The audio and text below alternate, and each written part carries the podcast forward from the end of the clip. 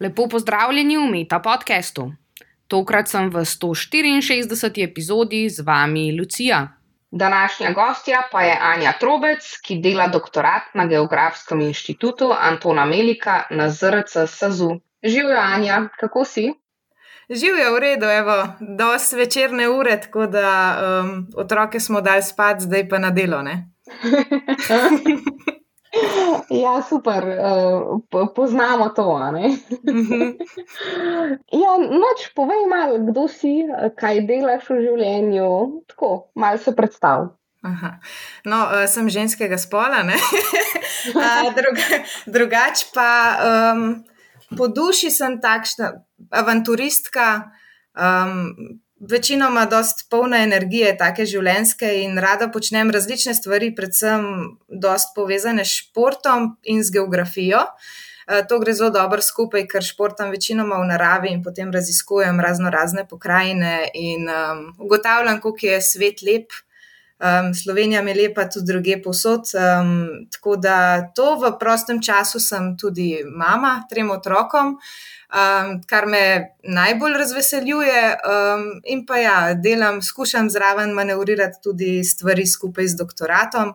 In mi v različnih obdobjih različno dobro uspeva, ampak trenutno, um, trenutno se mi zdi, da mi gre nekako kar, kar dobro. Odlično, to imaš eh, pa res uh, kar pestro. Je, precej ja. je. Um, ok, kaj točno pa je tvoja tema doktorata? Kaj točno raziskuješ, s čim se ukvarjaš? Torej, jaz sem skušala v doktoratu povezati dve uh, področji, ki sta si na prvi pogled morda nasprotujoči ali pa konfliktni med seboj, ampak se da znajdeti med njima precej usporednic in sicer zavarovana območja in pa ekološko kmetijstvo.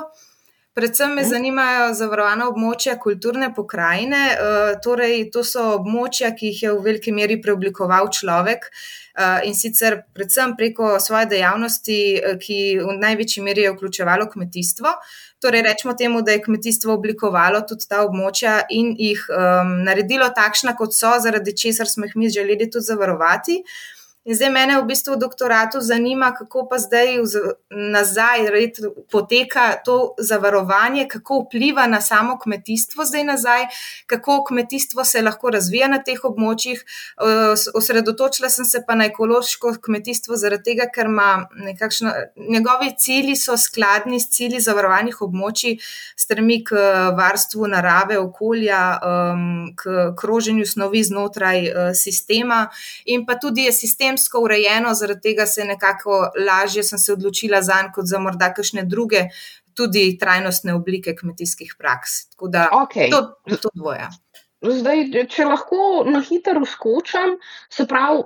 Ekološko kmetijstvo. Se mi zdi, da v zadnjem času se zelo velikokrat pojavlja to ekološko kmetijstvo, zraven pa še bio, eko, ampak bio in eko ni enako. Dej povej točno, kaj je ekološko kmetijstvo. Veš kaj, to je dost uh, sinonim, tako bio, eko, različno na, v različnih državah in na različnih izdelkih piše, ampak da veš, da je neki izdelek resnično iz ekološke pridelave, moraš v zadnji pogledati na, um, na to na znamčenje, na, na znamko, če ima tisti zelen kvadratek z belim listkom, noter z mhm. zvezdicami in piše EU kmetijstvo ali SEI ekološko kmetijstvo in veš, da je res iz ekološke pridelave ker veliko krat kje piše na izdelkih bio, pa če v zadnji ni uh, te označbe, potem to ni pridelki iz um, ekološke pridelave. Um, tako da drugače je urejeno v Evropski uniji na podoben sistem um, vključuje kmete, ki se pač odločijo za uh, to vrstno kmetijstvo, za vstop v nadzor, uh, ki jih potem tudi kontrolne organizacije spremljajo uh, ali sledijo tem smernicam, ki bi jih mogli, torej, da ne uporabljajo pesticidov, uh, fitofarmacevskih sredstev, da uh, gnojijo predvsem z gnojem in mislim, da naravne načine uporabljajo za kmetovanje, um, dost tradicionalne, nekoč preteklim in dopolnjene z današnjim znanjem, z vedenjem o naravi, o okolju. Um, tako da ja, je neka trajnostna oblika, ki pač skuša slediti nekim smernicam današnjim varstva okolja. Uh, kot sem pa rekla, ja, prepričamo se, če je izdelek, je pa s tem z, z označbo. Tako. No, evo, pa se mi zdi, da smo že kar nekaj razjasnili. ok, se pravi, rekla si tudi, da se, pravi, se ukvarjaš s temi zavarovanimi območji in zdaj, kako točno je povezava zdaj zavarovano območje in ekološko kmetijstvo. Vse nekaj si že povedala, pa mogoče še enkrat malo bolj natančno. Uhum, ja, um, torej na zavarovanih območjih, ne, mi v Sloveniji imamo različne oblike zavarovanih območij. Jaz sem se skoncentrirala na širše zavarovano območja, to so pa v osnovi na, naš narodni park, Triglavski narodni park, potem so regijski in pa krajinski parki. In jaz sem osredotočena na, po, na regionalne in krajinske parke, zaradi tega, ker so te parki precej preoblikovani strani kmetijstva. In zdaj, kako gre to skupaj, kot sem omenila, ne? kmetijstvo jih je oblikovalo, preoblikovalo, oblikovalo njihovo kulturno pokrajino, zaradi česar mhm. so nam zanimivi. In um, ker pa se na teh območjih prednostno še zmeraj uh, varuje naravo, torej večina um, časa, denarja, um, energije je namenjena za uh, upravljavce teh območij, ne je namenjena za varstvo narave, nekaj seveda tudi za razvoj samega območja, za njegovo vzdrževanje in za ozaveščanje prebivalcev in obiskovalcev v tem območju, ampak um, tukaj skušamo zasledovati varstvene cilje in uh, zaradi tega se mi je zdelo smiselno, da. Eh, glede na to, da dejavnosti na teh območjih seveda morajo potekati, in če želimo ohranjati ta območja takšna, kot so, je kmetijstvo tako rekoč nujno potrebno, ker če ga ni, se zarastejo ta območja eh, in niso več takšna, zaradi česar smo jih zavarovali. Če pa že imamo kmetijstvo na tem območju, pa potem smiselno, da sledi tem varstvenim ciljem, uh, ki so zapisani v odlokih, uredbah o ustanovitvi teh območij, in um, da gre ta z roko v roki čim bolj, kot je le mogoče. Sej veliko krat se izkaže, da prihaja do številnih tren, konfliktov, ampak v osnovi na zavranih območjih um, dajo tudi prednost to vrstnim kmetijskim praksam, ker se zavedajo, da so um, nekako, da grejo z roko v roki, no, kot sem rekla, ker um, ne skušajo čim manj negativno vplivati na, naravno, na stanje okolja in narave. Ne. Ja, in zdaj, kako točno se pa ti lotaš tega svojega dela? Kako izgleda tvoj dan, recimo? Kaj točno delaš? moj dan ali uh, moj potek mojega doktorata. To je zdaj dve različni stvari. Res je. Dajmo začeti najprej s potekom doktorata, pa pa lahko o tem, kako tvoj dan poteka. Uj, moj potek doktorata je bil zelo zanimiv, zaradi ker moja prva tema je bila energetsko obarvana, rečemo temu. Uh, z mentorjem smo prišla na čist drugo idejo in to so bili obnovljivi viri energije, seveda nujno na zavarovanih območjih, ker brez tega prijanje ne gre. Um, ampak potem se ta tema nekako ni uh, prijela, ne pri meni, ne pri mentorju, uh, in sva presedlala na samo skrbo s hrano na zavarovanih območjih. Ampak tudi ta tema nekako ni šla skozi, tudi ko smo s komisijo predelovali, nekako ni bila ustrezna. In zdaj sem prestala na ekološko kmetijstvo. Tako da je bilo treba v bistvu zelo na hiter, ker sem trikrat zamenjala temo na koncu napisati um, torej, um, dispozicijo, uh, in nisem imela, po domač povedan, veliko časa za to hrčkanje, da bi pridobila takrat veliko znanja z področja ekološkega kmetijstva. Tako da sem potem zdaj skušam vse usklejevati, sem podatke, statistične, prostorske obdelovala, ki obstajajo na področju um, kmetijstva in pa uh, varstva okolja. Uh, potem sem šla na teren, intervjuje delati in vmes čim več prebirala, da bi dobila čim več informacij relevantnih, ne, tudi kar se teorije tiče. Zdaj sem obdelala te intervjuje in zdaj skušam spraviti v neko smiselno obliko, ovrednotiti te intervjuje, hkrati s, s, s podatki, ki sem jih obdelala, statističnimi in temi. Tako da um, sem zdaj v fazi tega um, premlevanja, kako. Kako to v smiselno obliko spraviti, da bo pilo vodo potem v doktoratu, vse te podatke, ki sem jih um, zbrala skupaj. Tako. Ja, razumem. Se mi zdi, da to je nekaj, s čimer se vsi doktoranti pa na koncu ukvarjamo. kako zdaj v neko smiselno celoto vse zapakirati. Tako. Kaj so bili, recimo, kakšni večji izzivi pri tvojem delu? Uh -huh. um, največji izziv na začetku je bil pač časovni, uskladiti vse to, ker ravno ko sem to te, temo uh, prijavila, uh, smo bili v lockdownu. In mhm. potem uh, se nekako spopadati s tem varstvom otrok in z um, raziskovanjem tematike mi je bilo zelo težko, oziroma po pravici povedano, takrat sem se mi vse ustavil. Tako da največji izzivi so bili te, da preprosto nimam, nisem imela nikoli nekega daljšega časovnega obdobja, ko bi lahko delala. In pa da področja kmetijstva nisem nikoli zelo dobro poznala, in tudi na faksu nismo kaj dosto o tem um, govorili. In uh, predvsem sem se vedno osredotočala na zavarovana območja, že v, že v diplomi. Jaz sem še um, generacija, ki smo imeli diplomo, ne še magisterija. Uh, že toliko let delam doktorat. uh, tako da že takrat in to področje mi je nekako bolj zlezlo pod kožo, torej varstvo narave, varstvo okolja. Uh, s kmetijstvom sem se mogla pa še spoznati in se še zdaj spoznavam. Uh, in je zelo zanimivo področje. Um, in ni nič, kar gotoviš, nič ni samo umevno, niso eni dobri, eni slabi. Ampak, um, ko gotoviš, da dejansko posod moraš iskati neke um, pozitivne stvari in točke. In tako da zdaj res um, vidim, mislim, še večji smisel videti, da povezujem kmetijstvo in zavrano območje, ker od obojega imamo res uh, lahko veliko. No? Kaj bi ti rekla, da bi bil na koncu doprinos kmetijstvu, zavarovanim območjem na splošno, kaj bi bil doprinos tega tvojega raziskovanja? Jaz na koncu imam namen narediti v doktoratu, oblikovati določene smernice za prihodni razvoj. Um, oziroma, možnosti uh, razvoja in izkoriščanja potencijala razvojnega um, ekološkega kmetijstva na zoranih območjih, kar pomeni po domač povedan, da uh, bom skušala pripomoč k temu, da bi, da, bi bilo, da bi ekološko kmetijstvo se lažje krepilo na teh območjih, glede na to, da je.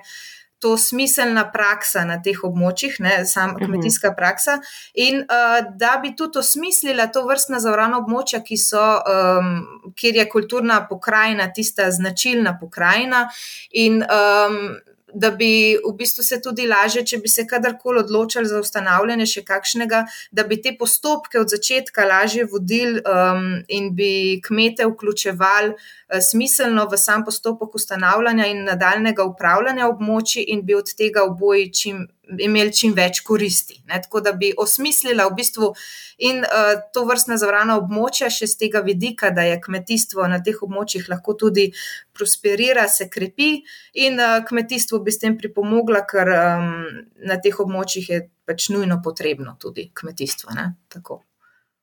Ok, v redu. Torej, gre seveda za medsebojni odnos med kmetijstvom in zavarovanimi območji. Ob, oboje potrebujemo, super stvar, ki jo delaš.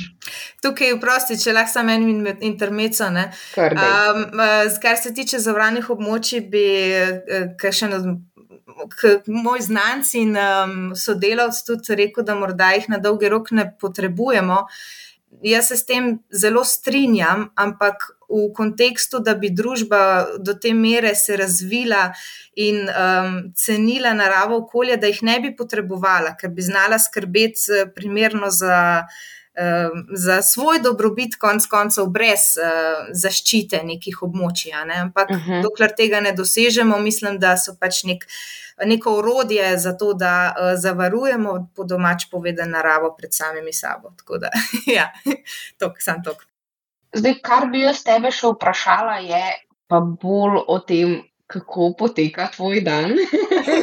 Glede na to, da pač si omenila, da imaš otroke in vem, da je naporno pač delati doktorat z otrokom. Pa če imaš kaj zapovedati, mogoče glede tega, kakšen nasvet za uh, ostale mamice, ki mogoče delajo doktorat ali karkoli ti pade na pamet.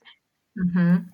Ja, um, najprej moj dan je tako, da ko se zjutraj zbudim, ker vem, da moram otroke peljati v vrtec in v šolo, uh, bi najraj spala dalje. In govorim si to, ustani, ustani, treba je, ne? in pa so tako že vsi po konci na nja ustane. In potem jih razvozam, in edini čas, ki ga imam z možem, res zase, da imamo kakovostni, je ko tam male pelemo v vrtec šolo, tako da takrat ponavadi skupaj pojeva zajtrk, da razdelava dan, kako bo dan potekel. Tako da pohitim v službo ali pa delam od doma. Uh, jaz priznam, da zelo rada delam od doma, ker mi vzame manj časa, mislim, ne vzame mi tega časa iti v službo in mhm. nazaj. Um, in sem veliko bolj efektivna doma, ker je moj mož je tudi geograf in uh, si v bistvu pomagava pri tem, da sva bolj pridna oba, ko delava. Ko sem jaz sama v pisarni, se prej zasanjam, ko pa jaz njega vidim, kako on to dela, jaz tudi lažje za računalnik uh -huh. in mhm. grem delati. Uh, tako da um, službe je pa super, ker so delavce imam res odlične, mislim, dobro se počutim v kolektivu in grem tudi rada tja in je dobro, da grem. No, glavno mi, ko enkrat uh, začnem delati, um, ugotovim, da, um, nisem, um, da nimam tistega zagona, da mi nekako ne gre, dolg časa rabim, jaz sem tak dizel, jaz rabim, da zalaufam. In potem ko ravno zalaufam in ko mi gre in ko pišem zapiske, delam računalnik, ugotovim, da je ura, ko moram iti po otroke v vrtec in v šolo. In grem po njih, in pa sem z njimi na polno, da mi vse živce požrejo, in potem, uh, ko pride zvečer, ko grejo spat, grem za računalnik, in to je moj čas, ko sem najbolj efektivna. Torej, ko jih dam spat, in dokler jaz sama sebe ne dam spat, to je pa nekje med 12 in 2 po noč, zdaj odvisno od dneva. Um, tako da v bistvu največ za službo naredim zvečer, po, po noči, priznam več kot čez dan, pogosto. Um, In kar bi svetovala, je v bistvu tako, mislim, čudovito imeti otroke, ampak če si sposoben na hit narediti doktorat in tako bi morda preložila materinstvo na podoktoratu, um, ker lahko tudi res, mislim, je zelo stresno, težko je usklejevati, ti da ogromno oboje, ampak um, ne vem, um, jaz bi tako uh, ne bi imela kasneje otrok, raj, ker sem, se, se mi je že tako zdelo, da sem stara, ker sem jih imela. Mhm. Ampak um, če bi se le dal, da bi, bi pa prej doktorirala, pa pol imela otroke in um, tiste, ki pa jih imajo, pa srečno, ker vem, mislim, je, je čudovito jih imeti in ti ogromno dajo. Um, ampak ja, služba uh, tisto obdobje malo trpi. Uh, je pa res, da ker smo mi imeli, ne se tudi ti smela to obdobje lockdownov in uh, vseh možnih karanten. Ja. Uh, jaz sem zato še malo pod otisom tega, tako da ni pri vseh tako. Um, in ja, se da vse usklajevati, se je veliko mamic takšnih in, uh, in drugačnih, tako da um, je vse en meni življenje lepo in uh, mi ni hudega, no, generalno.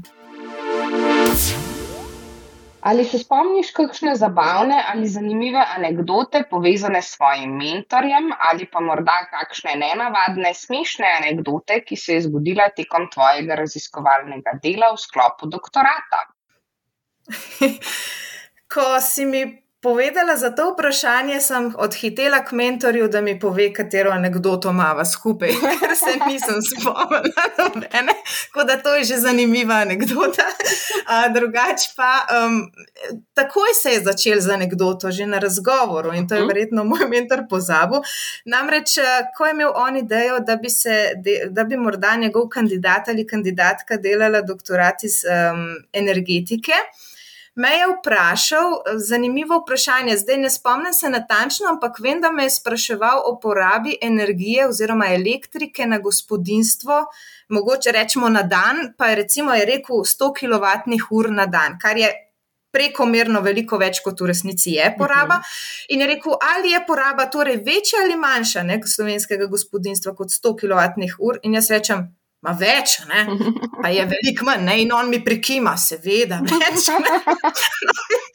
in ko sem bila sprejeta, za, um, pač, ko sem postala njegova mlada raziskovalka, mi je priznal, da je tudi on šel pogledat in je ugotovil, da, da je veliko manj, ne? ampak na razgovoru pa noben od naj tega ni vedel. Tako da, ki imamo, ki imamo. Tako, evo, to je ena takšna. Priporočilo za knjigo, igro, film, spletno stran ali podcast? Ja, meni se zdi naj, mislim, kot priporočilo, ne bi svojega sugerirala, kot kaj bi jaz. Zaradi tega, ker se mi zdi najpomembnejše samo to, da če najdeš neko knjigo ali pa film, ki te ponese stran od. Uh, od misli na, na, na doktorat ali pa na, na neke težave, na stres, ki ga povzroča vsakdanje življenje, je to tista ta prava knjiga. Zdaj, pri meni uh, so to ponavadi neki ljubezenski romani um, in, um, ali pa filmi, so tudi komedije, recimo Prijatelja, to je francoska verzija, ko je tiščrnci in belci gradanje. Uh -huh um, mi je čudovit film za sprostice. In jaz, recimo, kot mama treh otrok, rabim predvsem filme, doskrat, da se sprostim. Drugače imam rada tudi kakšne težke drame in vse, ampak. Um, Preprosto to potrebujem uh, najbolj, torej sproščanje in nekaj, da se sprostim, da se nasmejam um, in da mi je potem lažje naprej delati. S kom bi preživela dan ali šla na večerjo? Um, z možem. ker oprosti, ampak um, nima pa nikoli časa in te možnosti. In uh, v bistvu bi mi bila to velika življenjska želja v tem obdobju, da bi lahko nekam šla. Uh, sproščeno z njim. Um, drugače v otroštvu bi ti rekla z Bekamom.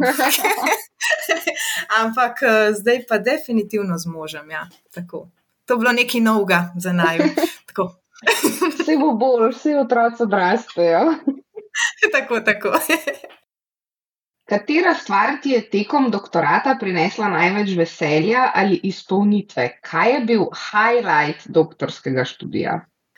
Največ veselja in izpolnitve zdaj bo delovalo tako kontradiktorno napram temu, kaj sem prej govorila, ampak definitivno otroci um, ker ti uh, pomagajo iti skozi stresne situacije, čeprav jih hkrati povzročajo, in ker te pripravijo do tega, da ugotoviš, da, da preneseš več, kot kar misliš, da lahko, in da imaš vedno bolje klene živce. -huh. In da se znaš vedno bolj prilagajati. Tako da to je dejansko tista stvar, ki ne morem reči, da je znotraj doktorata, bilo kot doktorata, ampak je ta stvar tista, ki me izpolnjuje. Kar se tiče pa samega highlighta, uh, je pa definitivno, ko bom končala doktorat. bo, bo moj highlight. Se ga veselim zelo. Kakšen je tvoj način za spopadanje s stresom in morebitno negotovostjo, ki pride med doktoratom? Hmm. Ja, no, na nek način bi to lahko podobno odgovorila kot na prejšnjo vprašanje, kar se otrok tiče, ampak drugače, kot sem omenila, sem precej športen tip in meni meni zelo veliko pomeni, da kolesarim, se vozim službo s kolesom nazaj, takrat, um, takrat se prepiham uh, in pa odbojko igram, in ta odbojka mi tudi da zelo velik. Tam, tam se ne počutim kot mama in ne kot uh, mlada raziskovalka, ampak kot um, Anja, športnica, kakršen, kakršna sem bila um, 10-20 let nazaj. Uh, tako da to mi zelo pomaga in zdaj se tudi veselim, če bom mogoče začela tudi uh, s pevskim zborom, ali tako da to vrstne uh, razbremenitve no, me, mi pomagajo. Anja, hvala in srečno z doktoratom in otroki. Hvala tudi tebi, enako. Poslušali ste Meta podcast, podcast, v katerem se pogovarjamo z mladimi znanstveniki in znanstvenicami z različnih področji znanosti. Podcast domuje na spletišču metina.si, kjer najdete tudi druge zanimive znanstvene vsebine. Naše delo lahko podprete z donacijo Metini listi. Pohvale, pripombe in predloge lahko posredujete po e-mailu znanost.afnametina.si. Dobrodošli so tudi komentarji na Facebook profilu Metine liste in na Twitterju @metina.lista kjer uporabite hashtag MetaPodcast. Se slišimo čez 14 dni.